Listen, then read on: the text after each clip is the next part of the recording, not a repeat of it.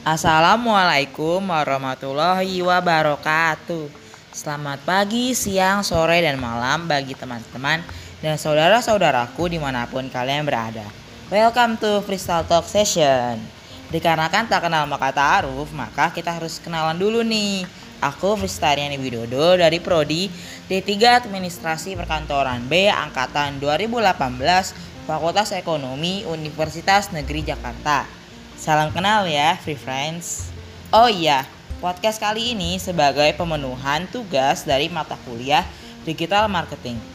Pada kesempatan kali ini, aku akan membahas mengenai topik yang saat ini aku dan kalian rasakan, khususnya bagi yang sedang menempuh pendidikan di perguruan tinggi, yaitu semua tentang menjadi seorang mahasiswa, problematika mahasiswa, perkuliahan online, dan tips agar perkuliahan online tetap produktif dan optimal. Apakah kalian sudah siap mengikuti sesi freestyle talk sharing kali ini? Siap ya? Baiklah, kita mulai free friends. Sebelum membahas lebih jauh lagi, sepertinya perlu bagi kita untuk mengetahui dan memahami apa itu mahasiswa dan apa yang membuat mahasiswa itu berbeda dengan siswa. Jadi, mahasiswa adalah panggilan atau sebutan yang diberikan kepada seseorang yang melanjutkan pendidikan dan terdaftar secara administratif di lembaga perguruan tinggi seperti universitas, akademi, ataupun institut, dan lain-lain. Namun, makna dari mahasiswa tidak hanya terbatas dari segi administrasi atau tata usaha. Masih terdapat pemaknaan yang lebih luas apalagi jika merujuk pada penulisan sebutan mahasiswa yang terdiri dari dua kata yang menyusunnya yaitu maha dan siswa. Maha artinya derajat yang amat tinggi dan siswa artinya pelajar. Maka secara pengertian dapat dimaknai jika mahasiswa adalah pelajar dengan derajat yang tinggi. Di mana seorang mahasiswa diharapkan tidak hanya mempelajari menguasai bidang yang ia pelajari, tetapi juga dapat menerapkannya di kehidupan bermasyarakat. Selain itu, mahasiswa juga didorong memiliki daya kreativitas dan inisiatif sehingga mampu menghasilkan karya-karya yang bermanfaat dan luar biasa di balik bidang yang ia geluti ataupun bisa juga dia sangat-sangat hebat pada potensi yang ada di dalam dirinya. Beberapa ahli mendefinisikan mahasiswa sebagai berikut. Menurut Knop Femaser, mahasiswa adalah seorang calon sarjana yang dalam keterlibatannya dengan perguruan tinggi dan diharapkan mampu menjadi calon-calon intelektual. Menurut KBBI, Kamus Besar Bahasa Indonesia, mahasiswa adalah seseorang yang belajar di perguruan tinggi di dalam struktur pendidikan di Indonesia. Mahasiswa memegang status pendidikan tertinggi di antara yang lain. Mahasiswa juga memiliki fungsi dan peran loh apa saja ya. Nah, Frista akan jelaskan peran dan fungsi mahasiswa di sini yang terdiri dari enam hal. Direct of change. Melalui sumber daya manusia yang cukup banyak, mahasiswa dapat melakukan pergerakan massa dalam menegakkan kebenaran, menyuarakan aspirasi, baik itu mewakili rakyat, masyarakat Indonesia khususnya, ataupun menyuarakan hak-hak mahasiswa yang mengalami distorsi akibat kebijakan-kebijakan para pemangku kepentingan yang kurang tepat. Agent of change. Maksud dari agent of change di sini, mahasiswa tidak hanya menjadi penggerak perubahan, tetapi sebagai objek atau pelaku dalam perubahan tersebut. Sikap kritis yang positif harus dimiliki dan dapat membuat sebuah perubahan besar dan juga membuat para pemimpin yang kurang berkompeten menjadi lebih sadar, tergerak hati mereka, dan kembali mencemaskan kondisi negeri ini dan masyarakat di dalamnya. Karena masih terdapatnya ketidakadilan, ketimpangan sosial, dan ketidakmerataan ekonomi akibat kepemimpinan yang kurang. Seharusnya, karena hal ini kita semua berpikir dan berusaha untuk mengembalikan, mengubah keadaan tadi menjadi lebih baik menciptakan Indonesia yang adil dan sejahtera menuju arah yang positif. tanpa mengubah ataupun merusak identitas mahasiswa dan bangsa Indonesia. Aaron Stock Mahasiswa memiliki peran sebagai generasi penerus bangsa yang sangat diharapkan mempunyai kemampuan, keterampilan, serta akhlak mulia untuk dapat menjadi calon pemimpin yang siap pakai. Mahasiswa adalah harta berharga sekaligus harapan bagaimana bangsa ini berjalan ke depannya. Mahasiswa tidak hanya sekadar orang yang cerdas dalam akademik seperti mengikuti ceramah dari dosen, tapi poin yang harus disorot adalah kita perlu mencari ilmu di luar kelas. Kita harus dapat mengisi diri ini dengan pengetahuan mengenai keprofesian ataupun kemasyarakatan. Mahasiswa dengan pengetahuan yang cukup dapat menjadi seorang pemimpin bangsa masa depan yang kelak akan menggantikan generasi sebelumnya. Oleh karena itu, memiliki wawasan dan hard skill tidak cukup sehingga diperlukan soft skill seperti kepemimpinan, leadership, kemampuan memposisikan diri, kejujuran, bertanggung jawab, optimis, dan daya kepekaan yang tinggi. Selanjutnya, moral force.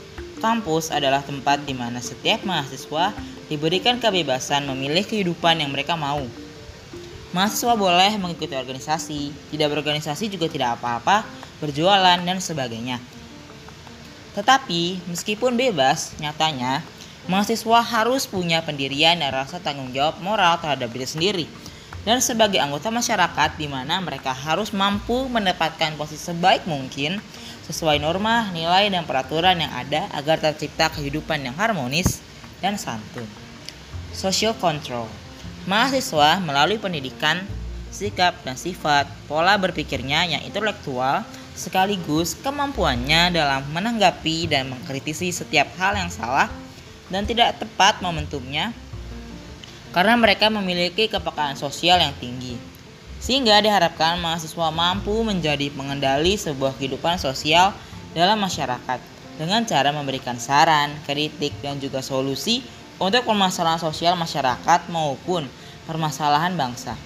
Peran mahasiswa sebagai sosial kontrol terjadi saat ada hal yang tidak beres di masyarakat.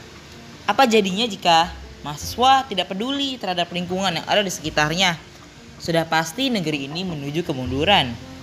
Jiwa sosial ini penting untuk dimiliki setiap orang, terutama mahasiswa. Kepedulian ini dapat diwujudkan tidak hanya berbentuk aksi turun ke jalan, bisa juga melalui diskusi terbuka, pemikiran-pemikiran menjadi relawan, memberikan bantuan baik materi dan imaterial kepada masyarakat di sekitarnya. Secara garis besar, dapat kita ketahui jika mahasiswa memiliki posisi yang tinggi dengan pertanggungjawaban yang cukup berat. Inilah yang membedakan mahasiswa dengan siswa. Kemudian, apakah kita sebagai mahasiswa dapat melaksanakan seluruh dari hal tersebut? Selama memiliki niat dan usaha, tentu bisa. Namun, kita tidak boleh lupa bahwa Perkuliahan adalah bagian dari pembelajaran seumur hidup. Dan kelak, cepat atau lambat, kita akan mengaplikasikan seluruh ilmu itu baik di dalam kelas maupun organisasi ke dalam masyarakat. Dikarenakan hal tersebut adalah bentuk sesungguhnya atas keberhasilan diri kita apakah bermanfaat atau tidak kepada orang lain. Setelah mengetahui definisi, fungsi, dan peran mahasiswa, Tentunya kita jadi tambah sadar nih betapa pentingnya keberadaan mahasiswa itu. Kita adalah awal dari perubahan dan refleksi apakah bangsa ini telah mengalami improvement atau belum atau malah sebaliknya. Namun sering banget mahasiswa dalam perjalanannya kerap kali mengalami cobaan free friends yang kadang-kadang membuat pusing kepala karena tanggung jawab tidak sebatas kepedulian dan pengabdian kepada bangsa, negara, dan masyarakat tapi juga harus bisa menyelesaikan masa studi. Nah, singkat cerita, aku sempat kepikiran akademik. Bagaimana ya nantinya jika aku memutuskan untuk mengikuti salah satu kegiatan organisasi di UNJ. Dan ternyata ketika dijalani masih bisa dihandle akademiknya. Malahan mendapat hasil yang tak terduga. Ah, jadi kangen gabung organisasi lagi hehe. Aku harap bagi kalian para siswa yang juga ikut memperhatikan dan mendengarkan podcast ini tahu jika Dunia perkuliahan tidak seperti yang ada di drama-drama ataupun sinetron. Kebanyakan siswa dari lulusan sekolah, terutama yang lulus dari SMA, mengira jika menjadi mahasiswa penuh dengan masa libur yang panjang, sehingga bisa banyak bersantai, tidak bangun dan masuk pagi, dan lain-lain. Di mana pemikiran kalian tadi salah banget nih. Nyatanya banyak banget problematika yang akan kalian rasakan selama perkuliahan, seperti dikejar deadline tugas, jauh dari keluarga. Ini untuk siswa yang ketika menjadi mahasiswa harus hijrah dari daerah asal ke ibu kota dan tinggal di kos dan lain-lainnya. Walau ada pahitnya, tetapi akan terus terkenang guys dan bisa diceritakan ke keturunan kalian nantinya. Nah, ya, berikut adalah problematika yang sering dan mungkin pernah kita alami. Yang pertama, tertidur di kelas. Paling parah ketika jadwal kelas jam 8 pagi, tengah hari, bahkan sore hari. Jelas banget pasti ngantuk. Kelas jam 8 pagi dimulai nih misalnya. Dan ternyata itu adalah mata kuliah wajib dari prodi kita sendiri, di mana nilainya tidak boleh di bawah B. Walau kelihatannya kuliah dimulai jam 8 pagi, mayoritas kelas ya, tergantung persetujuan antara mahasiswa dan dosen. Wah, gawat kalau ketinggalan apalagi karena kesiangan. Ini bisa menurunkan nilai kita.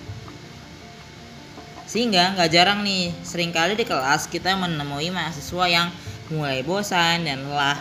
Entah karena semalam begadang mengerjakan tugas, atau bermain game, dan sebagainya. Jika ketahuan tertidur, bisa-bisa disamperin dosen terus ditegur, bahkan dimarahi. Kedua, mahasiswa terlambat mengumpulkan tugas. Dosen pusing banget masukin nilai. Jangan berpikir bahwa tugas dosen itu mudah dan praktis. Seorang dosen harus mengurus banyak mahasiswa dan banyak jenis pekerjaan. Belum lagi mengurus urusan diri sendiri dan keluarga. Sehingga sebagai mahasiswa kita harus rajin mengumpulkan tugas tepat waktu. Karena jika melewati batas waktu, seorang dosen akan repot dalam memasukkan nilai kita ke dalam sistem. Ketiga, dosen harus berpikir keras ketika memasukkan nilai akhir mata kuliah. Memberikan nilai kepada mahasiswa itu ternyata tidak semudah yang dipikirkan loh. Bukan asal memberikan nilai, para dosen harus berpikir secara hati-hati karena banyak aspek yang ada di dalamnya untuk dipertimbangkan. Mungkin aspek ini banyak karena harus berdasarkan kurikulum atau skala yang sudah ditentukan sebelumnya. Oleh karena itu, mahasiswa harus memenuhi banyak hal yang telah ditentukan tadi supaya nilai akhir tidak buruk dan mengecewakan. Mahasiswa kesal saat dosen membatalkan kelas mendadak. Nah, yang keempat ini nih sering kali terjadi. Terkadang dosen membatalkan kelas secara mendadak tanpa memberitahu satu minggu, satu hari sebelumnya. Bahkan ada juga dosen yang baru memberi tahu satu jam atau beberapa menit sebelum kelas dimulai. Ya ampun, kamu sudah bangun dan sampai di kampus sebelum jam 8 pagi dan kelas ternyata ditiadakan. Hmm, perjuangan memang. Kelima, dosen kadangkala lupa nama mahasiswa. Apakah namamu sering dilupakan? Ini adalah hal biasa karena dosen mengajar banyak mahasiswa dalam satu hari. Mana mungkin bisa mengingat satu persatu nama mahasiswanya? Kalaupun ingat, yang diingat adalah mahasiswa yang paling rajin dan aktif di kelas. Dan mahasiswa yang paling nakal dan kerap bermasalah. Kalian tipe yang mana nih free friends? Mahasiswa wajib tahu suasana hati dosen. Nah, yang keenam ini, katanya jika kamu mempunyai keahlian yang satu ini, urusan di perkuliahan akan lebih lancar. Benarkah? Ya, mahasiswa harus paham dan mengerti situasi hati dosen. Kalau lagi bad mood, jangan melakukan hal aneh-aneh apalagi mengirim pesan yang kurang sopan. Sebaliknya, jika dosen sedang happy mode on, buatlah mereka senang dan nyaman mempunyai mahasiswa sepertimu. Ketujuh, bertahanlah dengan sopan dan menurut agar mudah lulus. Sesusah-susahnya ketika menyelesaikan setiap urusan kampus dan tugas-tugas bahkan mungkin sering banget mendapat dosen yang tegas sampai gak jarang bikin ketar-ketir dan gregan setiap bertemu dengannya di kelas. Paling tidak, sebagai mahasiswa, kita harus tetap sopan dan santun. Bertata kerama, sabar, dan menuruti serta menghormati apa keinginan dosen selama hal tersebut untuk kebaikan diri sendiri dan sebagai bahan pendewasaan diri. Tanamkan dalam pikiran dan hati untuk terus bertahan, ya setidaknya hingga memperoleh gelar akademik. Karena kita membutuhkan dosen untuk membimbing dan mengarahkan kita menuju masa depan yang cemerlang dan menjadi orang sukses. Walaupun kuliah ada aja problemnya, ya anggap saja sebagai latihan sebelum terjun ke masyarakat. Karena ketika sudah berada di masyarakat, akan lebih berat lagi bebannya. Karena itu adalah pendidikan dari kehidupan yang sebenarnya. Hal-hal yang telah disebutkan tadi adalah permasalahan dari perkuliahan secara offline. Lalu, bagaimana dengan kondisi saat ini di mana seperti yang kita ketahui semenjak adanya imbauan dari pemerintah untuk meminimalisasi aktivitas di luar rumah dengan social distancing, rajin menjaga kebersihan, memakai masker, membuat aktivitas di luar seperti perkuliahan ini harus dilakukan di rumah. Apalagi kebijakan ini telah berlaku dari awal Maret hingga Juni ini. Oleh sebab itu, perkuliahan yang tadinya secara tatap muka berubah menjadi non tatap muka alias perkuliahan jarak jauh atau disebut dengan PJJ.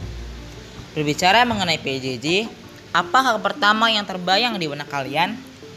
Dan bagaimana perkuliahan jarak jauh kalian sekarang ini? Baiknya pendapat kalian ya, free friends. Walaupun banyak banget tantangannya, baik itu dari persediaan kota, dan jaringannya yang sering banget naik turun, tugas-tugas yang datang seolah tiada henti, dan harus diselesaikan lagi dari yang sama. Tidur yang tadinya teratur menjadi tidak teratur, dan sebagainya yang benar-benar membuat kalian berpikir PJJ yang awalnya lebih santai dan menyenangkan nyatanya seperti ini. Seperti kuliah 24 jam seminggu. Sama, Frista juga merasakan hal seperti itu dan mau tidak mau kita harus tahan menyelesaikannya. Mengapa? Karena merupakan sebuah tanggung jawab. Pesta berharap bagaimanapun kondisi dan situasi PJJ kalian saat ini, semoga Free Friends tetap kuat dan mampu menjalaninya ya. Amin. Nah, selain beberapa kendala yang telah Frista mention tadi, masih ada beberapa kendala lain seperti tugas yang diberikan oleh dosen terlalu banyak karena seluruh metode pembelajaran menjadi online, maka dosen pengajar tidak sungkan untuk memberikan tugas kepada mahasiswanya. Beberapa dosen mengira bahwa tidak adanya kelas tatap muka secara langsung membuat keranggangan waktu bagi setiap mahasiswa. Maka dari itu, tidak jarang bagi dosen pengajar yang memberikan materi dan tugas untuk mengisi keranggangan waktu tadi selama self quarantine. Tidak jarang membuat mahasiswa terpikirkan dan stres karena tugas tersebut. Oleh karena itu, perlu melatih diri agar terbiasa dengan tekanan stres maupun itu melalui manajemen waktu. Yang kedua, gangguan pada jaringan internet. Selain banyaknya tugas yang diberikan oleh dosen, ada juga kendala ketika materi yang disampaikan kurang dapat dipahami akibat jaringan internet yang naik turun dan juga provider yang digunakan berbeda-beda yang akhirnya menjadi kendala dalam kuliah online ini. Ketiga, kuota atau paket data yang digunakan. Karena sistem perkuliahan yang berubah dari offline ke online, nasib malang bagi mahasiswa yang rumahnya tidak punya wifi. Mereka harus merogoh kocek lebih dalam untuk membeli kuota atau paket data. Dalam melakukan kuliah daring yang menggunakan platform seperti video conference sudah pasti memakan banyak kuota. Keempat, disiplin waktu masih berlaku.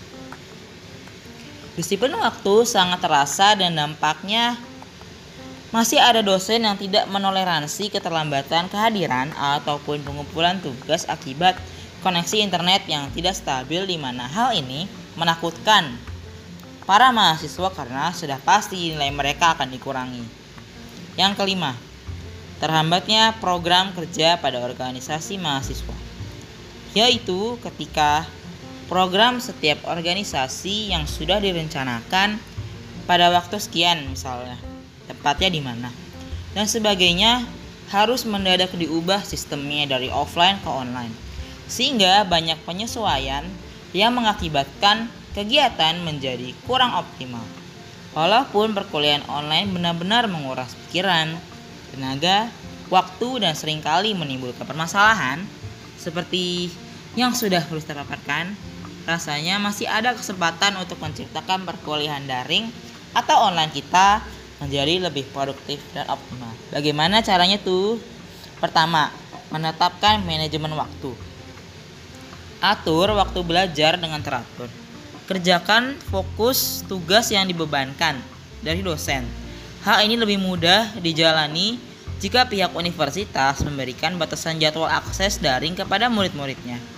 Hal ini akan berbeda jika penyedia layanan pendidikan memberikan fleksibilitas penuh kepada pelajar atau mahasiswa para mahasiswa harus bisa mengatur sendiri jadwal belajar mereka. Bagi orang-orang yang belum terbiasa belajar mandiri, biasanya akan mengerjakan tugas-tugas sekolah atau kuliah di menit-menit terakhir menuju tenggat waktu yang ditetapkan. Oleh sebab itu, membiasakan diri untuk belajar dan mengerjakan tugas di awal waktu adalah keterampilan yang harus dibiasakan kepada mahasiswa saat melakukan remote learning atau belajar secara daring. Kedua, persiapkan teknologi yang dibutuhkan. Para murid atau mahasiswa harus mengetahui peralatan-peralatan apa saja yang dibutuhkan untuk melakukan pembelajaran jarak jauh. Tidak semua kampus sudah menyediakan layanan belajar daring yang memadai. Oleh karena itu, ada beberapa platform belajar yang dapat menjadi alternatif. Demikian juga perkakas teknologi seperti komputer, gawai, ataupun tablet pintar menjadi penting. Dan juga jaringan internet yang sangat-sangat menentukan kegiatan belajar kita. Ketiga, belajarlah dengan serius. Kesalahan yang dilakukan siswa sebagai dilansir dari Psychology Today adalah tidak fokus ketika melakukan pembelajaran jarak jauh. Selama melakukan pelajaran online, terdapat banyak sekali gangguan seperti godaan untuk membuka video YouTube, mengakses media sosial, hingga membaca konten berita secara impulsif yang sering kali dilakukan tanpa rencana. Oleh karena itu, penting banget nih bagi mahasiswa untuk mencoba fokus dan konsisten selama jam belajar yang ditetapkan. Hindari segala macam godaan atau distraksi tadi yang berpotensi merusak kegiatan belajar. Jika memungkinkan, tetapkan ruangan khusus untuk belajar. Keempat, jaga komunikasi dengan pengajar dan rekan-rekan kelas. Bagi yang belum terbiasa melakukan remote learning, dia harus menyesuaikan diri untuk terus visible dan berkomunikasi tanggap dengan pengajar atau rekan kelas lainnya. Jika dibutuhkan, perlu juga nih diadakan grup khusus untuk membahas tugas yang dibebankan dari pengajar atau dosen. Kendati tidak harus dilakukan secara tatap muka, komunikasi ini penting loh, karena komunikasi bertugas untuk menjaga hubungan baik antara pengajar dan peserta didik, di mana pengajar ini adalah dosen dan peserta didik adalah mahasiswa, sehingga dapat berjalan dengan baik dan menghindari kesalahpahaman. Selanjutnya, buatlah jadwal dan reminder agar aktivitas di rumah tetap terorganisasi dengan baik. Buatlah jadwal aktivitas sehari-hari dan juga reminder untuk deadline tugas agar tidak terlupa. Dengan begitu, kamu jadi tahu nih kapan waktu perkuliahan dimulai dan kapan perkuliahan berakhir, kapan mengerjakan tugas, kapan kamu untuk melakukan aktivitas yang lainnya, misalnya bersantai. Jika perlu, sampaikan jadwalmu kepada anggota keluarga di rumah, sehingga keluargamu dapat mengerti dan tahu kapan kamu tidak bisa diganggu untuk sementara waktu. Selanjutnya, atur tempat khusus yang nyaman dan kondusif. Kamu bisa mengatur tempat yang nyaman dan khusus untuk kuliah online. Sebisa mungkin, jauhkan diri dari jangkauan tempat tidur nih biar nggak ngantuk karena sering banget kuliah online tidur di kasur terus tertidur agar ketinggalan kelas. Maka pilihlah tempat yang nyaman namun juga kondusif sehingga kamu bisa mengikuti kuliah online dengan fokus. Buat catatan materi. Mencatat materi menjadi cara yang efektif untuk memperdalam pemahaman. Hal ini juga dapat membantu kamu untuk memiliki gambaran materi yang akan dibahas sehingga saat sesi kuliah online pikiran kamu gak benar-benar kosong melompong dan dapat fokus ke materi nih. Selain itu, kamu jadi tahu bagian mana yang belum kamu mengerti dan bisa kamu cari tahu dari sumber lain atau dicatat untuk kemudian ditanyakan saat sesi tanya jawab di kuliah online. Memaksimalkan waktu saat kuliah online dan rekam jika perlu. Saat sesi kuliah online, fokuskan diri hanya pada materi yang disampaikan. Dan jangan multitasking. Hindari membuka tab baru web lain yang tidak berkaitan dengan kuliah atau malah sibuk dengan smartphone komputer, ponsel pintar, dan lain-lain. Hal ini akan menjadikan waktu dan kuotamu untuk kuliah online terbuang sia-sia. Turutlah aktif dalam diskusi untuk menjaga fokusmu, terlebih untuk menguatkan pemahaman. Kamu dapat melakukan perekaman saat kelas berlangsung agar dapat mendengarkan ulang apa saja yang telah dijelaskan oleh dosen.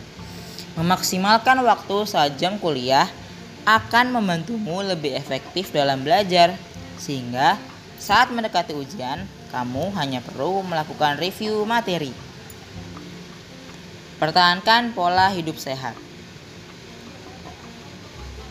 Meskipun di rumah aja, jangan sampai menjadikan pola hidup kamu berantakan ya. Ada baiknya sebelum menjalankan kuliah online, kamu sudah mandi atau paling tidak cuci muka agar lebih fresh. Pastikan juga kamu sudah makan agar bisa konsentrasi penuh. Sempatkan waktu untuk olahraga di rumah agar tubuh tetap sehat dan atur waktu tidurmu supaya cukup. Hindari begadang karena bisa membuat kamu mengantuk dan tidak fokus untuk mengikuti kuliah.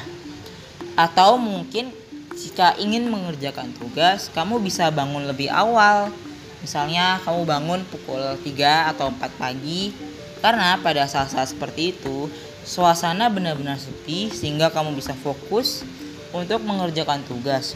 Ini lebih baik daripada kamu benar-benar full begadang dan tidak tidur. Itu hanya akan mengganggu kesehatanmu. Bahaya kan? Apalagi di saat Covid seperti ini, kamu harus benar-benar menjaga kesehatan diri. Karena ketika kamu kurang tidur, akan banyak sekali kemungkinan kamu untuk terjangkit berbagai penyakit.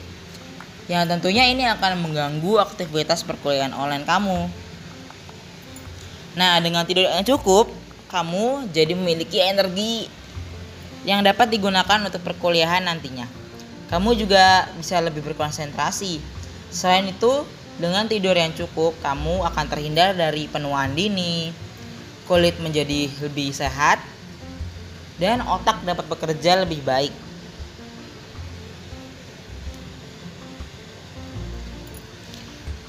Nah, selanjutnya, jangan lupa untuk refreshing.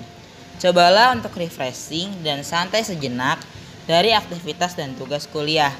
Refreshing di rumah bisa kamu lakukan dengan melakukan video call dengan teman-teman, atau misalnya memasak bersama keluarga, bermain game, atau menonton film.